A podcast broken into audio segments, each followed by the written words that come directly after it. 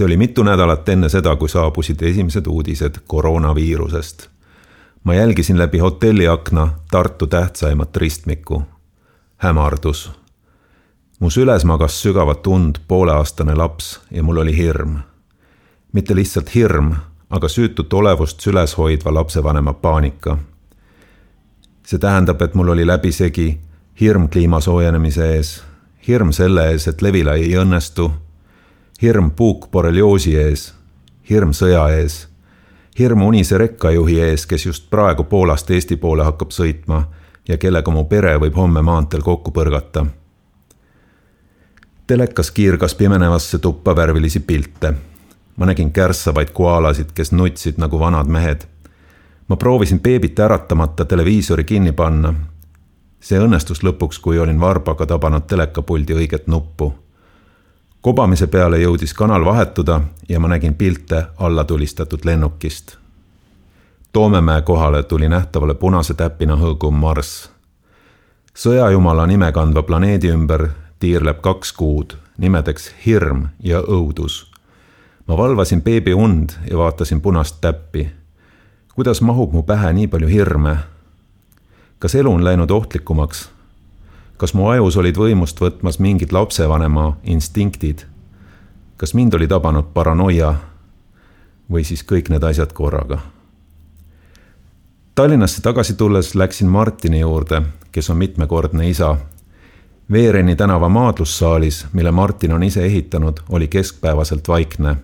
vaid kolm-neli meest vingerdasid end selili olles mööda matti edasi kontoriinimesed, kes kasutavad lõunapausi üldfüüsiliseks treeninguks. Martin on maadleja, treener, endine sõjaväelane. on kerge oletada, et tema ei karda midagi.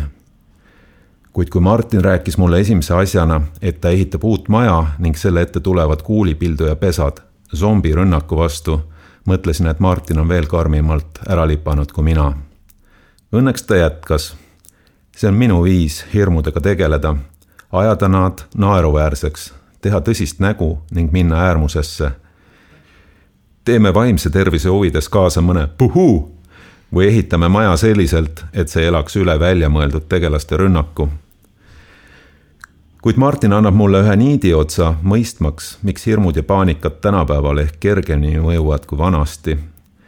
ta loeb mulle kiiresti ette üks pluss üks, kaks pluss kaks, kolm pluss kolm, neli pluss neli, viis pluss viis ütle nüüd vastus. ma mõtlen hetkeks, kolmkümmend. kuid ei ütle seda igaks juhuks välja. ma pole vastuses päris kindel. kui tehteid lisandub ja lisandub, jookseb varem või hiljem inimese juhe kokku. ühel hetkel ei suuda sa enam kõike läbi mõelda. sama juhtub siis, kui sind tabab korraga palju hirme. istud tegevusetult, oled juba närvi aetud, su aju ei tööta enam päris hästi poolikud uudised, kontrollimata väited marineerivad su peas. nii võib hulluks minna. mis saab siis, kui? see on inimlik küsimus.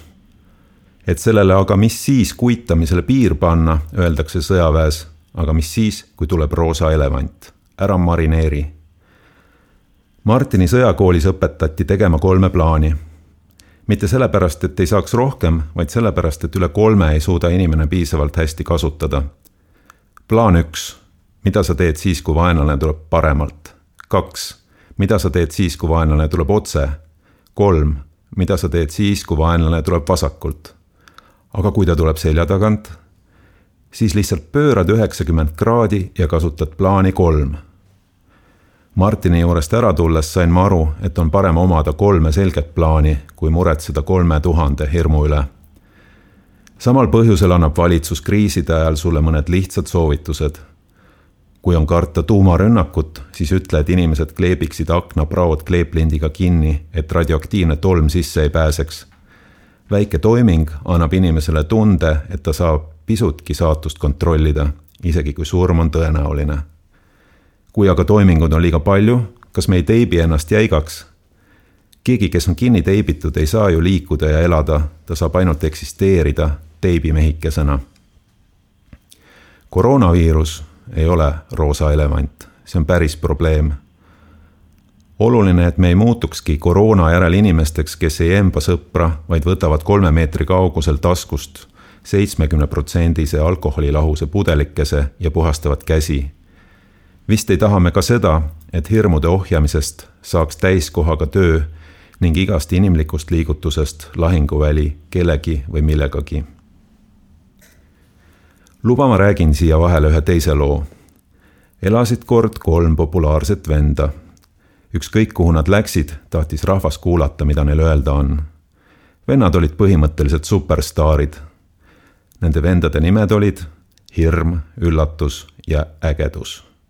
ühel kenal päeval läksid nad kõik Facebooki tööle teadlased on välja selgitanud, et hirm, üllatus ja ägedus on need kolm meeleolu, mis inimesi sotsiaalmeedias kõige rohkem üles kütavad. Vaata oma sõpru Facebookis. keegi on just praegu väga üllatunud, keegi on just praegu väga äge ja keegi on just praegu väga hirmul.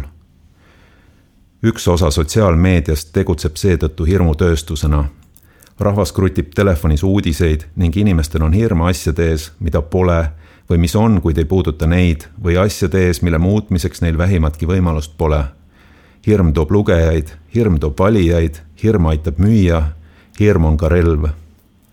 Nõrgema taluvusega inimesed on süütematerjaliks paanikale, sest nad tormavad oma sõprade ja sugulaste juurde kuuldud lugusid põdema, murendades omakorda järgmiste inimeste enesekindlust. kõik ju räägivad sellest juba inimesed, kes hirmu tootmises osalevad, ei taha enamasti halba Nende seas on ju näiteks meditsiinitöötajaid, kes tahavad sind mõjutada suitsetamist maha jätma või vähiuuringule minema. Kahjuks ei näe ka nemad sageli seda, et nende sõnum on sel päeval neljakümne viies hirmutav sõnum inimesele, kes on juba niigi paanikas. kokku pole see alati tervislik. võib-olla ei tulegi meile kunagi enam ühtegi hirmudest vaba päeva. eile kartsid sa terroriste, täna viirust, ülehomme sõda, roboteid süvariiki, asteroide. ometi pidi elu ju olema sinu parim aeg. siis kohtusin ma Ingridiga. Tal on kolm last, kaks neist juba suureks saamas. tema peamine hirm on kaotada sissetulek. vestlesime ühes Mustamäe keskuse kohvikutest, kus mängis muretu muusika üksik meesterahvas võttis kõrvallauas tööpäeva järgset õlut ja kaugemal sõi üks perekond lookas laua taga õhtust. märkasin, et Ingrid kannab ruunimärkidest käevõru. inimesed on mõelnud välja palju imepeeneid masinaid, kuid miks peavad inimeste endi suhted olema nii trööstitud, et halb hakkab, küsis Ingrid. ta on viimase aasta jooksul hakanud huvi tundma Norra mütoloogia vastu.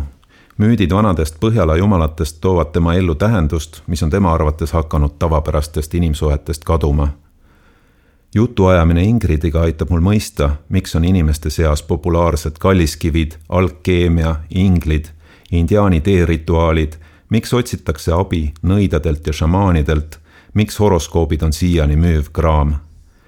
ühel või teisel moel on need kõik sama tundeväljendus.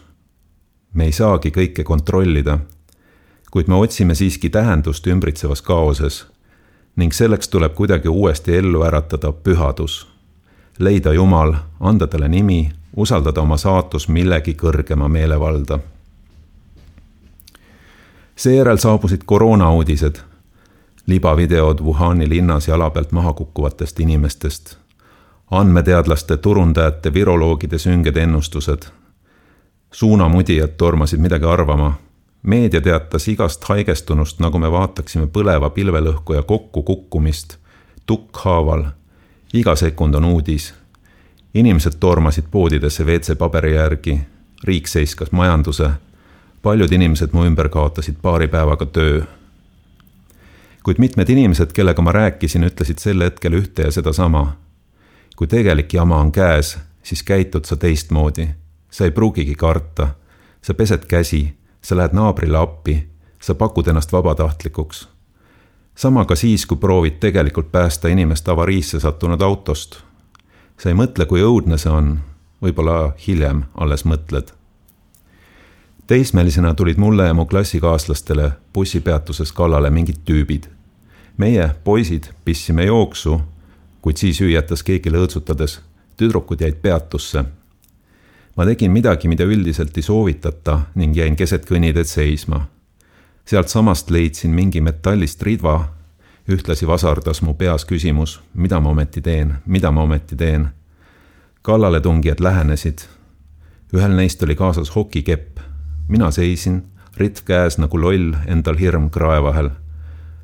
Korraga hüüdis keegi meie omadest, üks jäi maha. sõbrad jõudsid umbes samal ajal minuni tagasi kui kallaletungijad. ma virutasin ühele pätile talaga vastu õlga, ka sõbrad tulid appi. vastasel oli hokikepp, millega ta proovis mulle pihta lüüa ma liikusin eest, hokikepp tabas ühte mu sõpra pikki kulmu. seda tuli hiljem traumapunktis õmmelda, kuid ma virutasin rauast jupiga uuesti ja uuesti vastase suunas, kuni korraga sain aru, et kallaletungijad põgenevad hoopis meie eest. see oli tagantjärele hea tunne, astuda hirmule vastu. see pole näide kangelaslikkusest. võib-olla oli see isegi ebaadekvaatne tegu. see juhtus ju tegelikult kogemata, plaanimata ja mõtlemata või oli mul siiski alati olnud kuskil valmisolek selliseks olukorraks? ma vaatan last oma süles. kui paljud minu esivanemad pidid tema nimel olemas olema? Kui paljud neist pidid kokku saama, et sünniksid uued lapsed? kui karmidest aegadest nad pidid läbi tulema? kui palju kaklusi, haigusi, piinasid, vägivalda, kannatusi ja kui palju hirmu? ja kui rahulik ta on?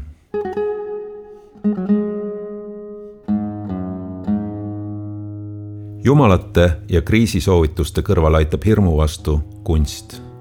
Tuhande üheksasaja kolmekümne üheksandal aastal ei kartnud inimesed ilmselt vähem kui täna.